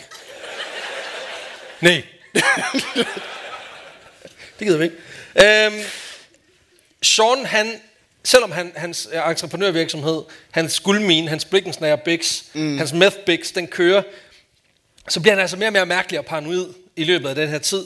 Og han bruger også mere og mere det, tid i det siger ikke så lidt. Nej, øhm, han bruger mere og mere tid i jagten på det her guld nede i den her mine, men han finder ikke rigtig noget. Øhm, og sådan fortsætter det i nogle måneder, øh, hvor de her guldgraver misbrugere, de bliver ved med at komme og hjælpe ham med at hive det her sediment op. Øh, og de bliver i gennemsnit i cirka tre uger, før de ligesom lugter lunden. Øh, altså, det, det er som om, der ikke rigtig kommer noget ud af det her. Og jeg har givet halvdelen af min, eller alt min stash af meth, for at få lov til at grave en mine, hvor der ikke rigtig kommer noget op. Men tænk sig, det tager tre uger at regne ud, den plan, den er, den er ikke bulletproof. øhm, og Sean begynder at bruge rigtig meget tid i hullet selv, øh, for at vise dem, at det ligesom også er en samlet indsats. Og pludselig, så begynder han der at komme guld op Nej. af minen. Jo, fandme ja. Øhm, øh, et par dage efter, det her guld begynder at, at vise sig i minen, så begynder der at komme nogle, nogle nye gæster i huset. Okay. Det er nogle unge gutter, som, øh, som Sean skylder nogle penge. Nå, ja. Øh, for noget Skat. guld, han har købt. på kredit. Vi tager den lige kort. Sean mangler crystal meth. Han har et job som blikkenslager, som giver ham en indkomst, som man kunne bruge på meth. I stedet for, så kaster han alle sine penge og energi i at bygge en guldmine, som man så får folk til at, at minere og, og, og gå ned i for meth. Ja. Da det så ikke giver noget, så bruger han de penge og det meth, han har, på at købe noget guld, som man kan putte ned i minen, så de kan give ham mere guld. Eller mere meth. Hvis det ikke, Så, er, altså- ikke er en fucking meth-plan, så ved jeg ikke, hvad fanden der er en meth-plan. Så han har selv puttet det derned i. Ja! og han køber det, og så, altså, noget af det køber han også på kredit. Så, så i stedet for at få guld af de her meth-hoveder, så får han meth og køber så på kredit. Så nu skylder han bare penge, har lidt meth og har en guldmine, der ikke virker. Det der, det er jo, det er jo Ville det ikke bare være nemmere, hvis han bare var fucking blikkenslager? Altså, det er et håbløst projekt. det er sindssygt. Altså, Men han er meget effektiv og glad, mens han gør det. Det er jo antidepressiv Han er medicin. effektiv til alt andet end at være blikkenslager. Jamen, det, er også, det viser sig jo, at han er en skidedygtig blikkenslager. Alt, hvad han ellers kaster sig ud i, håbløs. Men det er det, han vælger at sige, det er den vej, vi går. Og jeg tror, jeg tror sgu, der er noget galt med ham. Nu er jeg jo ikke som sådan psykiater. Eller psykolog. Men Eller podcaster. Sådan. Men jeg ved, at når man har sådan en plan her, så er den altså ikke, den er ikke helt god. Af, af, min, af min vurdering, umiddelbart. Men øhm, han har lavet det her meth for guldpyramidespil. Øh, og så sker der sgu noget, som, som det, nu rammer tragedien ligesom igen, fordi der er sgu nogen, der bryder ind i hans, øh, i hans øh, blikkenslager van og stjæler alt hans værktøj. nej, Jo, så ryger alle rørtangene, øh, tængerne, rørtængerne. Øhm, og det er så, kan man sige, det er jo så hans eneste sikre indtægtskilde, der ryger her. Det kunne jo være, der var et eller andet method, der tænkte, ved du hvad, det der er guld, fuck det, jeg tager din rørtang. Giv mig den. øhm, så han har ikke noget indtægtsgrundlag, men det er jo lige meget, for han har jo minen. ja, ja. Og den giver jo guld, cirka. Altså, man har jo hørt det der med at kaste penge efter et projekt. Det er ligesom at kaste penge ned i et stort sort hul. Det har han bogstaveligt talt gjort. Præcis. Og det bliver bare mørkere og mørkere og mørkere. Og der er lys for enden af tunnelen, men det kommer vi til. Øhm, det, det er meget Det, også... da han graver ind til jordens kerne. Altså, Han rammer bedrock, og så er der bare ingenting. Der var lige en Minecraft-reference til de to, der sidder derude. Tak skal Det er fucking perfekt. Øhm, men det er også vigtigt at forstå, at ud fra alt det kildemateriale, jeg har læst igennem til den her historie, der mener, altså alle de, de er overbevist om, at Sean faktisk troede på, at der var guld i den her fucking guldmine. Og det her guld, han selv putter i, er bare for at holde de her meth heads engageret, indtil de finder det rigtige guld. det, er jo for, Altså- det er for at lukke guldet ud, jo. Guld tiltrækker guld, Så det ved tænker, alle. Så tænker det, der er, nej, der er alle mine venner, og så kommer det ud. Ja. Og det, det hjælper heller ikke på det, at en af hans meth buddies har en onkel, som ejer en rigtig guldmine i det nordvestlige USA. Og han fortæller ham, arbejde. for der kunne han jo bare tage taget op i stedet for, at der er fucking mine hernede. Men altså, der fandtes jo guld i Kalifornien tilbage i 1850'erne, så, så den er jo god. Der kunne jo godt være noget. Og ham her, hans meth buddy, han fortæller faktisk, at de her sten, han hiver op af, af den her mine i mm. Claremont, de ligner de sten, som onklen hiver op i sin guldmine. Altså i en, i en guldmine, hvor der også kommer guld op. Okay. Så han holder jo også håbet oppe, kan man sige. Det kan også være, at det bare er sten. Altså, Ja. jeg ved ikke, om det... altså, det, det, det Altså, man kan sige, når, du, når din primære kompetence er meth og VVS, så, hvilket lyder som en fed så er forretning. det jo ikke sådan, altså man kan stå der sådan, sten. Der er fandme også sten her. det baserer jeg på min lange uddannelse inden, Inden for for, VVS. inden for meth. Sean Smith og VVS, det lyder sgu meget godt. øhm, vi er efterhånden ved at være fremme øh, ved forsommeren 1995. Sean han har kørt den her mine i 10 måneder. Og det er kun de tætteste venner, der hænger i stadigvæk. Øhm, og de er sådan lidt på det her tidspunkt. Kom lige op af hullet en gang. Øh, altså, han, fordi han bruger de fleste vågne timer, og det er cirka dem alle sammen, fordi han stadigvæk tager med ned i det her hul. Øhm, det siges, der er ikke længere vand, varme, strøm i det her hus, fordi han har ikke rigtig- rigtig betalt sine regninger i nogle måneder. Øh, og huset er faktisk også sat til at ryge på tvang, fordi han netop ikke har betalt sin afdrag. Fordi Okay. han har brugt alle penge på at bygge en øh, spabads slusekasse. Øh, så, er der ikke, altså, så er der jo ikke penge til husleje, det ved vi jo alle sammen. Altså, det, det, altså, det var også bare sindssyg prioritering. Men øh, det er ret fucked. Der begynder at være flere og flere ligheder mellem ham og Gollum. Det er hans precious. Bor i et stort hul og begynder at blive helt tynd og bleg og sådan meth mouth og øh, leder efter noget af guld. Og sådan. Har fundet én ting af guld, som man bare klinger til. Ja, det er rigtigt. Og på en eller anden måde, så er vi også nået til det punkt i historien, hvor jeg sidder og tænker, oh, det var så meget bedre, da han bare slåsede med folk, der brækkede hans ryg. Altså, Ja. Dengang der foregik der noget i baghaven, som på en eller anden måde var konstruktivt. De og han fik også en møsser og alt muligt. Nu har han bare et stort hul, som han smed al sin energi ned i. Øh, og Sean han er ved at blive endnu mere mærkelig og paranoid, fordi han er overbevist om, at staten øh, og kommunen er i gang med at, og de er simpelthen ude efter hans hus, for ligesom at få rettighederne og adgangen til det guld, der er.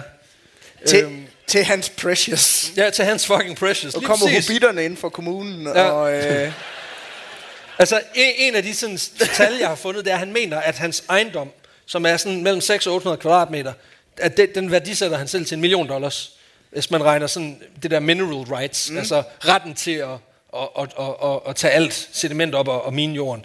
Øhm, så, så han er overbevist om, at der er stadig cash money, han skal bare grave lidt dybere. Og han forsøger på det her tidspunkt at gøre krav på jorden, ligesom man gjorde de første settlere gjorde i 1800-tallet i, i Kalifornien. Altså det man stake et claim, sætte en pind i jorden og sige, jeg ejer det her. Og der kontakter han kommunen og siger, jeg ejer det her, så jeg kan ikke tage det fra mig. Og de er sådan lidt, det prøver vi heller ikke. altså, hvad fuck laver du? Det, man kan heller ikke, du kan ikke bare sætte en pind i jorden. Det, du ejer det her, du har købt huset. Altså, det, det giver ikke nogen mening. Du, du, det, du graver bare.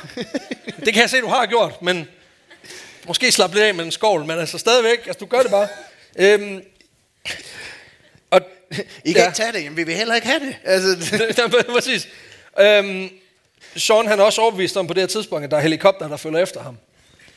Øh, ah. For at udspionere ham. Igen, altså vi er i 95 helikopter flyver over øh, San Diego og, og, og de store byer hele tiden, men han er ret sikker på, at der er en helikopter, der er efter ham. Jamen altså, han er mærkelig, det er det, jeg prøver at sige. Ja. og nu, nu, nu tager den så der, hvor jeg synes, det bliver for mærkeligt. Nå. Fordi en dag, der er han nede i minen sammen med sin ven Chuck. Og det skal siges, det er en anden Chuck end ham, der brækkede hans ryg. Men de er stadig venner. Så nu har han to, han har to Chucks. Chuck 1 and 2. Ja, Chuck 1 og 2. C1 og C2. Øhm, og de er nede i hullet for at kigge efter guld. Men de finder noget andet. De finder lyset. Nej, for nede i hullet, der finder de Gud. øhm, Tænk, han var der. ja. øhm, men de finder andet end guld. Og, øh, øh, Gud. De finder altså, ikke guld, men Gud. Og, øh, han er skrevet forkert. Ja. The road to salvation. Bare gå ned. Øh, men udover Gud, som taler ja, til ham. Det er også bare sådan, sådan kom der ned sådan, Gud, er, det, er du her? øh, ja. Nå. Men det bliver jeg, tro, jeg troede, det var Satan, der ville være. Nå, hmm. jamen, han er længere nede. Det, øh. Udover Gud, øh, så finder han også en pyramide nede i skakten. Og inde i pyramiden, der er der en drage. Og den her drage... Og så kommer Bilbo. det er smag. Nej, det er det ikke. Det er, øh, det er Bowser, der er nede i, i hullet. Og, øhm, nej, men der er en drage inde i pyramiden. Og dragen, den øh, siger Gud, at, at ham og Chuck, de skal slås imod. Nej, men hvis Gud vil have det, så... Du siger bare noget, ikke? Jeg tror, jeg tror sgu, han er dopet. det, der er så crazy for det her. han har fundet en boss. det er en Ender Dragon, for helvede. øhm, det sindssyge er, at jeg ser en, øh, der, er en, der ligger en dokumentar på, på, øh, på YouTube om, om, om den her sag øh, og som er sådan et, en dokumentar også om lidt om Claremont. Øh, den hedder Cul de Sac. Det er også det eneste, der er sket i Claremont. Ja, præcis. Det handler primært om det her med den her tank. Ja, der er også en tank. Bare vent. Nå, den havde jeg glemt. Ja, præcis. Nå, men, men, men den her dokumentar, der er der... Øh... Det er efter, han samler blomsten op, så bliver det helt... Øh, så får han en tank, så... Skal du bare spy ild, det er så fedt. Øhm, men der interviewer de blandt andet øh, Karen, som er hans gamle nabo, der fortæller, det her med, at han møder Gud, og så er der en pyramide, og inde i pyramiden, der er der en drage, og at dragen skal hammer Chuck slås imod, og Chuck kommer ikke til at overleve den her kamp. Og det syge er, at lige da han siger det her med, at they have to fight the dragon, så klipper de til Chuck, som sidder og reagerer ved simpelthen bare at gøre sådan her, og så drikker han bare sin Pepsi. Ja. Som om, det er bare en sætning, der bare kommer ja. ud, og det er jo jo, jamen, vi var sgu også, og det fede er sådan, var, var, I, var I på meth på det tidspunkt? Ja, ja, vi var på meth på det ja. tidspunkt. Øh, Ja, det, altså, bare at tage det så nonchalant. Har de, at, har de, været, øh, de sagde, at han døde dernede? Nej, men at, at, ja, at, at han ville ikke overleve den her kamp mod dragen inde i pyramiden, som Gud har sagt. Men der var han lidt sådan, åh, men jeg har samlet, ja, jeg har samlet en grøn svamp op, så jeg har et ekstra ja, liv. Præcis. Ja. det, jeg er one up. øhm, det kan også være, at han bare sådan, du ved, har accepteret sin skæbne og siger, jamen, ja, min tid var også ved at være over, altså, det er fint nok. Og hvis jeg skal miste mit liv, så lad det for helvede være i enden af en mineskak til en drage, der bor i en indpyramide. Øh. Okay. Øh. ja.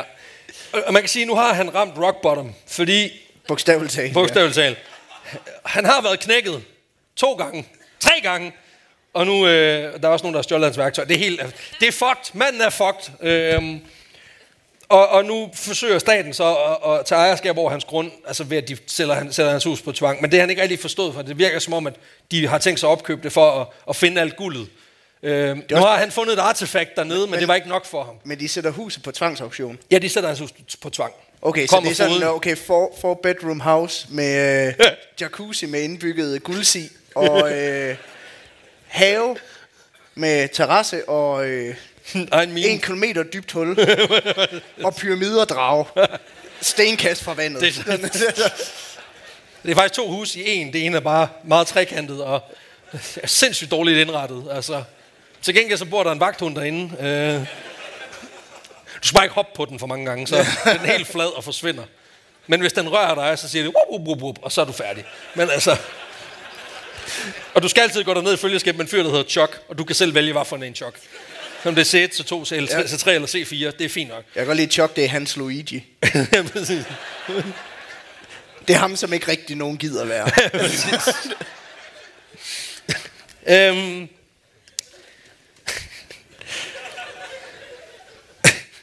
Nå, men, men han, er, han er på det her tidspunkt også, ifølge hans venner, ret deprimeret. Han tager jo meth jo. Hvordan kan det lade sig det virker ikke hele tiden. øhm, og det, så vidt jeg forstår, så er det over, primært over den her tvangsaktion, ikke det her over, at han har fundet en drage nede i, i, i, i, sin, i sin mineskagt.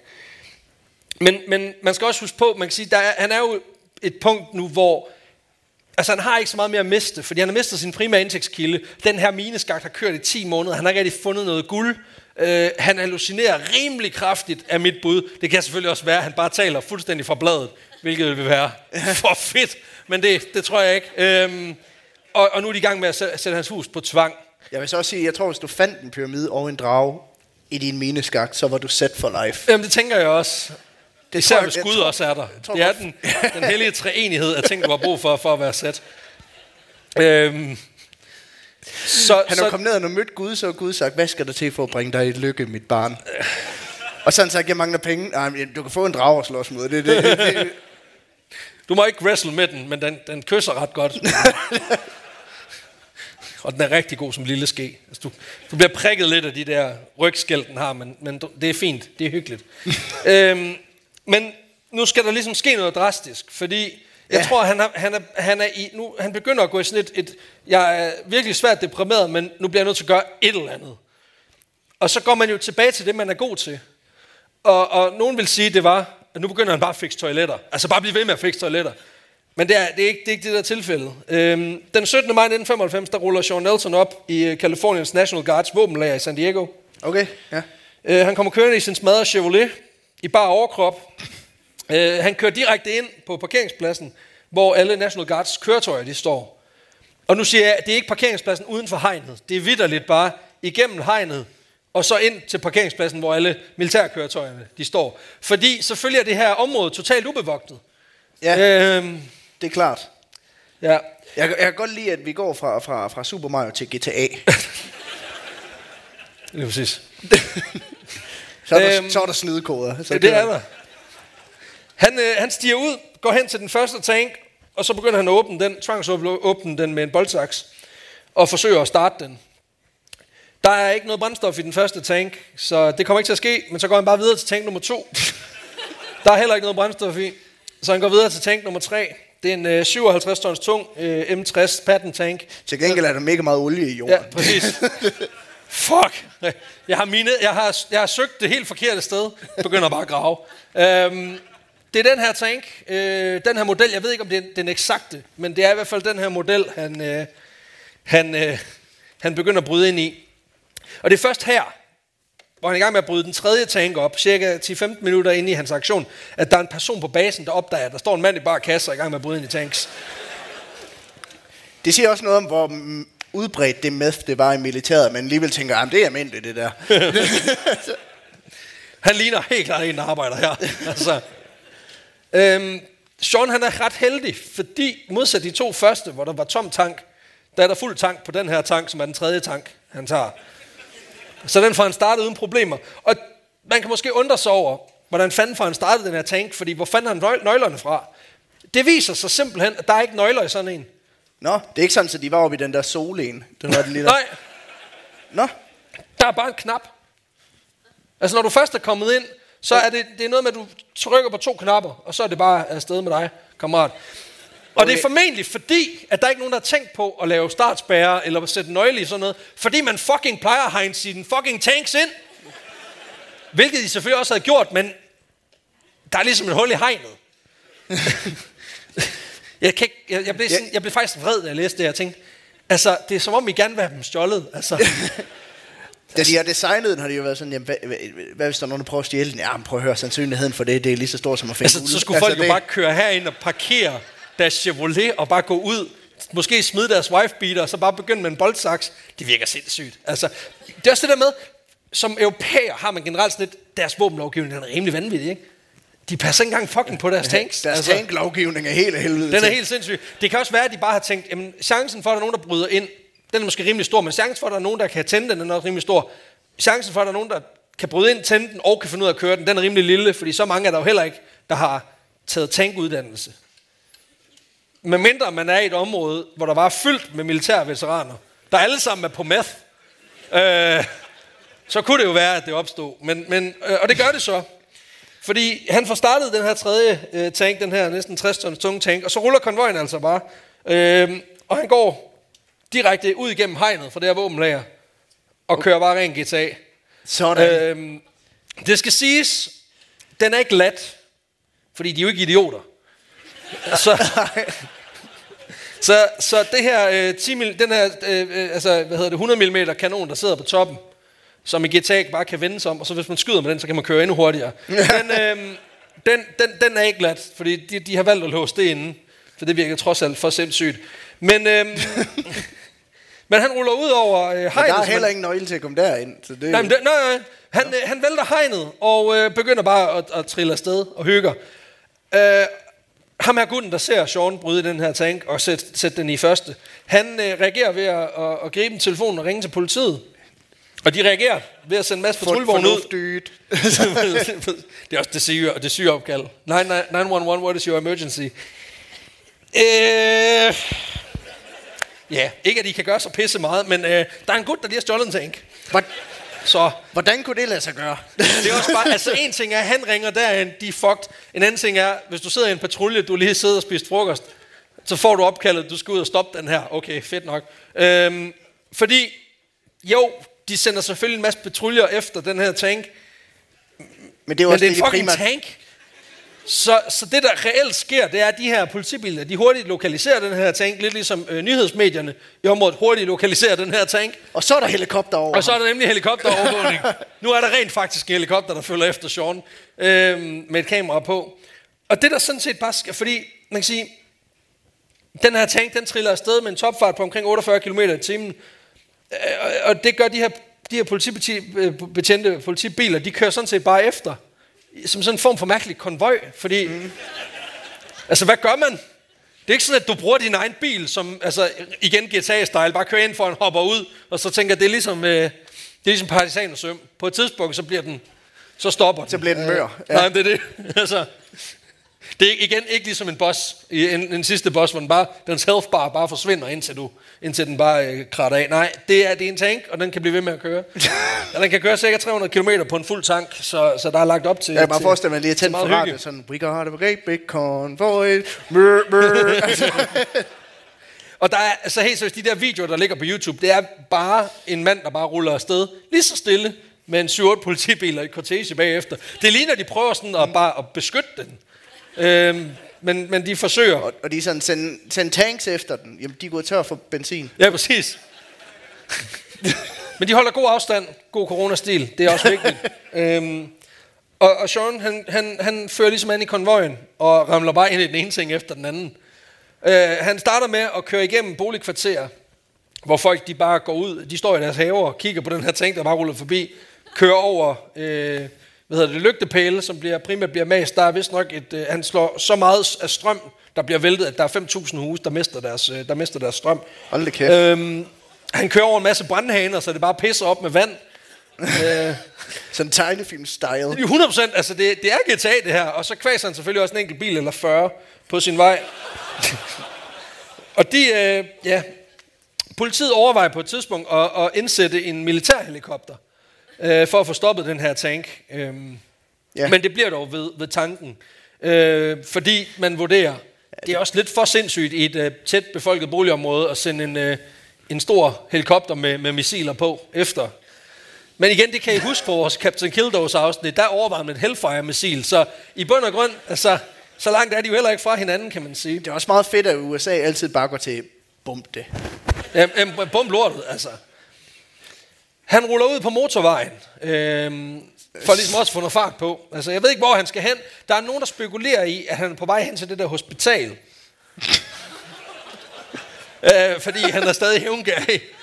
Øhm, men der er, også, der er også nogen, der, der mener, at han var simpelthen på vej hen til, til, til Rådhuset, altså City Hall i, i Claremont. Okay, ja. Og det kommer vi også til øh, lige om lidt. Øhm, han smadrer nogle biler på motorvejen, og på et tidspunkt, der tænker han, at jeg skifter vognbane. Så han tænker, at han lige tager den hen over midterhælden, og så kører videre. Okay, så han skifter ikke vognbane, han skifter øh, køreretning. Kørbane. Ja, ja, men ja, ja, det gør han ikke. Øh, han bliver ved med at køre imod. Altså, han er, det er den farligste spøgelsesbilist på blokken. Det er,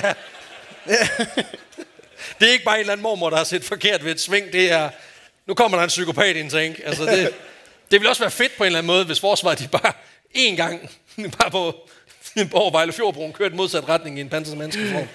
Sådan Jeg siger ikke, det vil være fedt, men han er kørt imod kørselsretning og fuldt af en masse politibiler, og han, han kører i tank. Det er, altså, det er Mad Max Fury Road.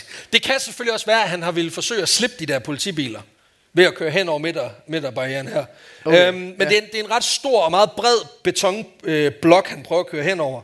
Og han rammer ligesom den her midterbarriere, sådan lidt, lidt sådan 45 graders vinkel, med fuld, fuld, øh, Fuld fuld Gaddafi. Gaddafi. Og øh, den er lidt højere, end han lige har kalkuleret med. Jeg ved ikke, hvordan udsynet er i sådan en tank. Men, øh, men åbenbart ikke godt nok. Fordi det, der sker, det er, at han kommer sådan lidt halvt over den. Og så sidder den fast. Pis. Og den historie kender vi jo godt.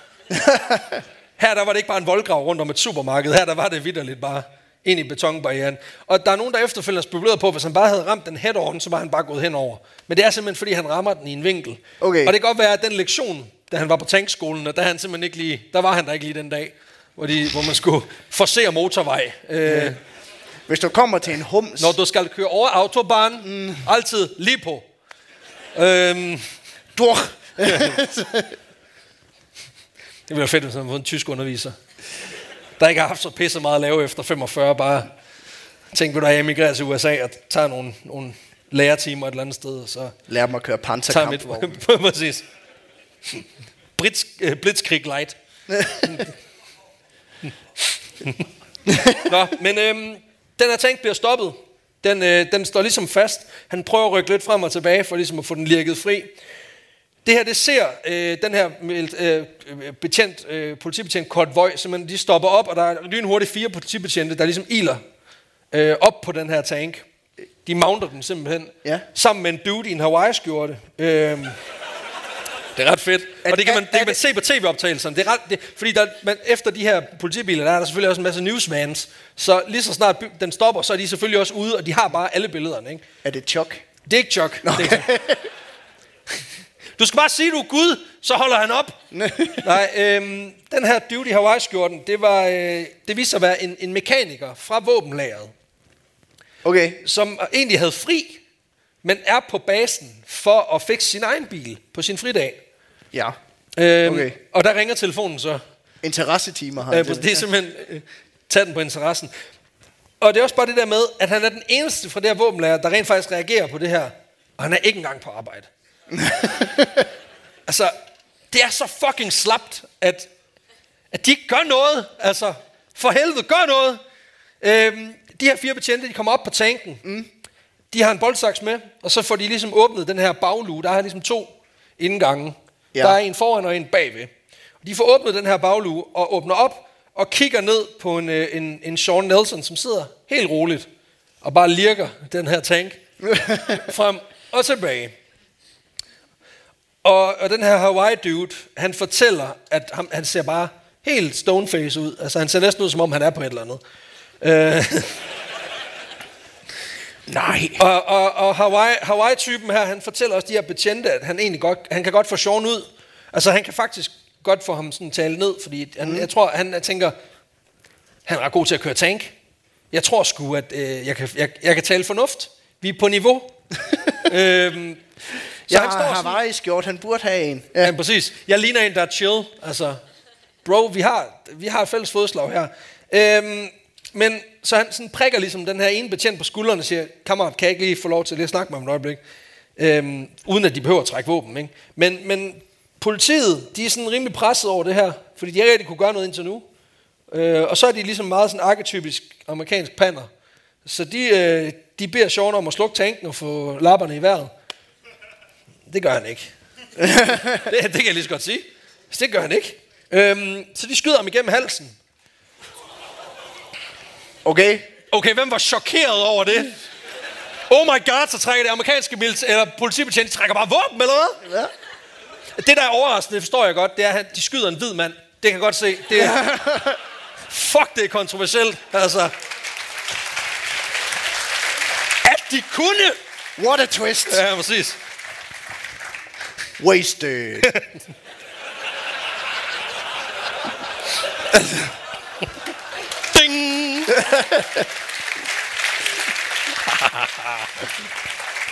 Han havde ingen ekstra liv, eller hvad? Nej, men de er også, jeg synes også, i den nye version, at de også gået mere fra, bare, fra, fra busted til wasted. Så det kan godt være, at de bare er blevet aggressive, de der Ja, men det kan godt GTA. øhm, men ja, de skyder ham igennem halsen.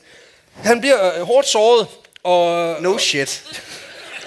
og igen, du kan, man kan finde på YouTube, hvordan de tager ham ud af den her tank. Spoiler, det, det er ikke det nemmeste sted at få fragtet folk, der er blevet skudt ud igennem halsen, ud. Øh, men de er meget lax. Omkring, altså de, er det er bare i arme og ben, og så bliver det sådan lidt som kludedukke, bare kyldet ned på en Som borger. en kat, der sidder fast i et rør. Ja, ja præcis. Ej, der puster man dem ud. Det skal virkelig puste til, men, øh, men det virker. Tryk luft. Så, øh, nej, men han bliver skudt hårdt såret, bliver slæbt ud af den her tank, og ender faktisk med at, dø på hospitalet. Ja, fordi han ikke vil behandles, eller hvad? I got this! Nej, og det, det, det værste er faktisk, det er det samme hospital, som han har sagsøgt. Så det, seriøst. Full circle. Øhm, det, det, han er jo kommet ind på hospitalet, så sådan, hvad er der sket med ham? Jamen, vi har skudt ham i halsen. Hvorfor? Jamen, fordi han stjålet en tank. Hvorfor? Jamen, fordi han vil hen og skyde jer. Nå. Jamen, øh, tak for sidst. var det noget med, at du ikke skulle have noget behandling, eller hvordan var det nu? Øhm, det var det, han ville have ønsket. ja, en mand er død. Ja. Så meget for straight face. Øhm, øhm, han ender med at blive den eneste, der er kommet til skade efter de her 23 minutter. Øh, Han er også kommet meget det er til utroligt, ikke? For man tænker på, han har siddet i et, pansret, i pansret mandskabskøretøj og bare kørt over ting. Øh, smadret 40 biler. Smadret en masse øh, lokal infrastruktur.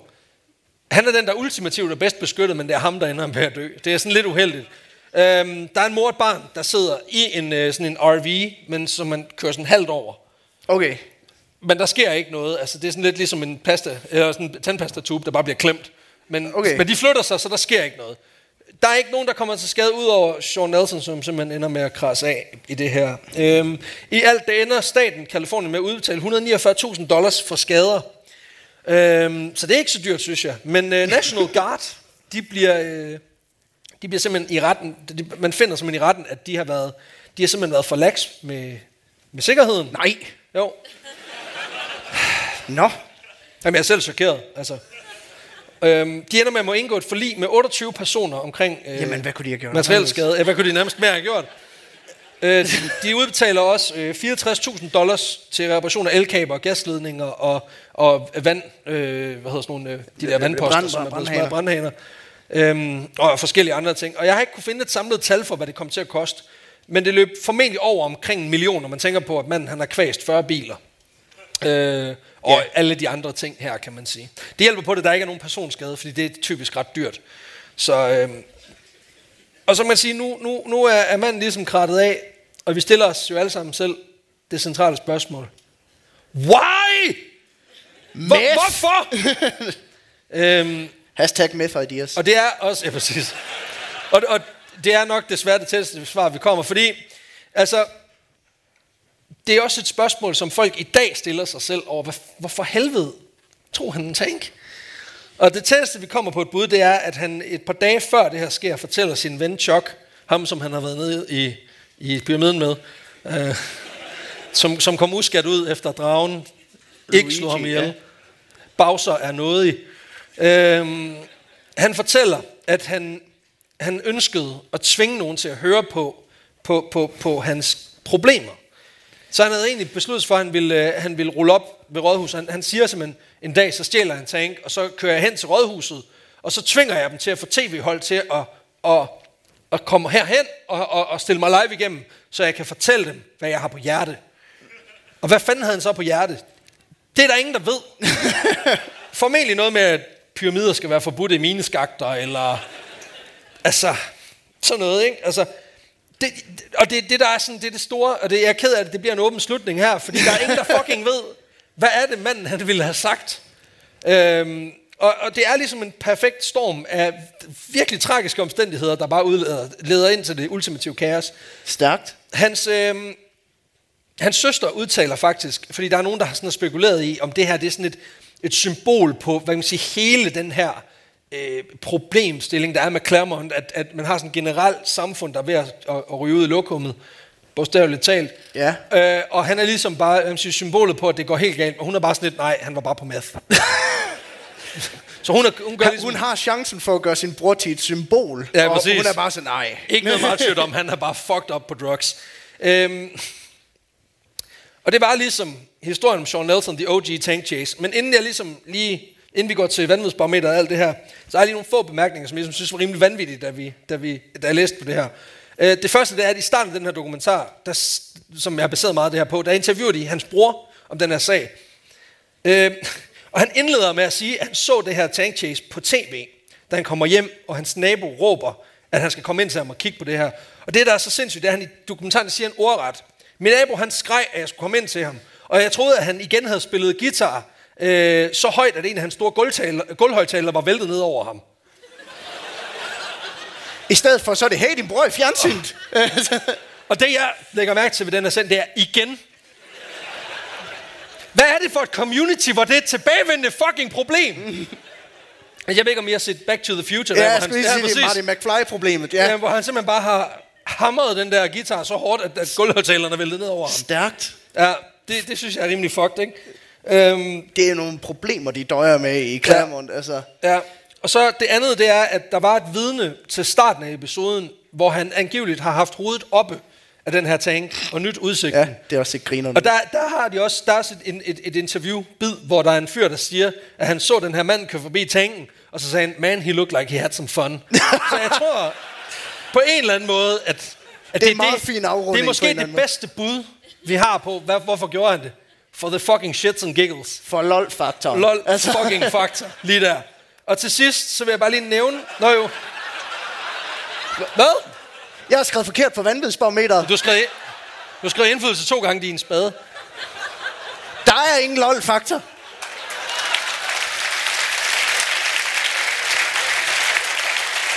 Ja. Jo, der er en lol-faktor. Hvad? Der er jo lol-faktor. Ikke på... Øh... Nej, men så må... Det er næsten som om, det var lavet af kridt, og vi kunne strege det ud og lave noget nyt, men nej, okay. nej, okay. Øhm, i, net, i, i, I 2000... Det var, Jesus. det var satans. Vi er alle sammen ufejlbarlige. Der er Undtagen lige, Det lige har nu. ikke været et rigtigt live show, hvis ikke der er gået noget galt. Præcis. Optagelsen er også fucket op. Slap af. Vi har styr på det.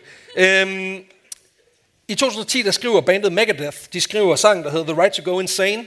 Ja. Og der er det Sean Nelsons tanktur, der simpelthen er inspirationen. Stærkt. Og hvis du ser musikvideoen, så er det faktisk tankchasen, de har brugt som visuel hvad man Nå. sige, tæppe til den her historie. Ej, det er også en ret fed sang, hvis man er til den slags. Og så sidst så vil jeg lige bare lige nævne, at metamfetamin stadig bruges den dag i dag til behandling af eksempelvis folk, der har ADHD. Øhm, og det produceres under navnet øh, Desosyn. Øh, og indtil for nogle år siden, der var det faktisk trademarket af, øh, af den danske virksomhed Lundbæk. Fedt. Så, yay! Ja, vi har fucket folk op, mand. Og på Danmark, den måde, Danmark, Danmark. Altså. Og det var historien om Sean Timothy Nelson, the OG Captain Killdozer. Yes!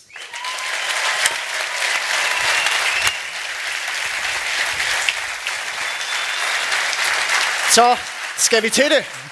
Ja, Jeg rejser mig lige op, både for at gå herhen, men også fordi jeg virkelig skal tisse. Øh, vi skal den på vanvidsbarometeret.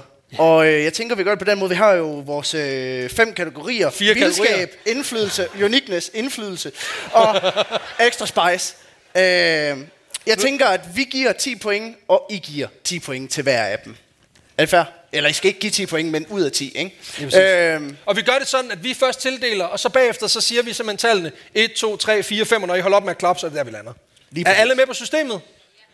Godt. Perfekt. Vildskab. Der vil jeg gerne give ham en god... Jeg må så kun give 5, så jeg vil gerne give ham en god 4. Jeg giver ham 4. Godt. Hvor meget vil er give ham? otte. 1, 2, 3, 4, 5, 6, 7, 8, 9, ja, 8. 8. 16 i alt. Så Ja, har vi... LOL-faktoren. Flot. Og det er godt, fordi vi har det på det kamera, og det kamera, og det, og det, og der hænger også et deroppe, så det er, Det er fucking pissegodt. perfekt, Peter. LOL-faktor, hvor sjov er den? Jeg synes, der er god LOL. Perfekt. Jeg havde i hvert fald en god LOL på hans Super Mario øh, tur. så jeg vil gerne give ham 3. Jeg giver ham 4. Så det er 7 plus... 1, 2, 3, 4, 5, 6, 7, 8, 9, 10. Ah, 10, jo. okay. 10. 17. 17. Jesus, okay, fuck. Okay, ja. Uniqueness, hvor unik er Hvis der er han? nogen, der siger, at det her barometer er broke, så... Fuck off! Der vil jeg gerne sige, Vi han er, prøver. han, han er jo ikke den eneste, der gør det. Uniqueness, nej, det er det. Altså, vi har ligesom dækket ham før. Der vil jeg gerne give ham... Øh, Han er den første. tænker Jeg vil gerne give ham 3. Jeg, jeg giver ham sgu... Jeg giver ham to, fordi det, det svarer jo til en fire. Okay. 1, 2, 3, 4, 5. Det er 5. Det er max 5. Så det er 10. Ja, tak. Kæft, hvor kan du regne. Indflydelse. Altså, når man får en Megadeth-sang opkaldt efter sig, og de bare stjæler den visuelle scene Det direkte. klar det, treer. De har faktisk også krydset, øh, de har faktisk også brugt krydsklippet med, med billeder fra The Actual Chase. Okay. Men, men ja, du har ret, det er tre. Altså, de, jo, det skal siges, at National Guard faktisk op, oppede deres security efter det her. Jamen, det har... jamen, Øh, faktisk så fjernede de også batterierne fra tanksene. Okay, så det er 3. Så hvis du ikke lige, altså sådan, at man undgik, at folk de stjal en tank, medmindre de lige røg til Hansen først, ikke? Fedt. Øh, Jeg skal virkelig tisse. Ja, skal vi, men vi skal wrestle bagefter jo, så. Ja. Nå, vi tager... Øh, 3 og 3. nej, to for mig. Okay. Fem. En. To. Tre. Fire. Fem. Fem. Fem. Så det er 10. Til se. Og extra spice. Jeg er ked af at sige det, Jeg kommer ikke helt derned og skrive. det er en... Øh, Øh, men jeg vil gerne give ham... Der er god spice. ja, tak. 5. Jeg er også på en femmer. En. to. Tre. Fire. Fem.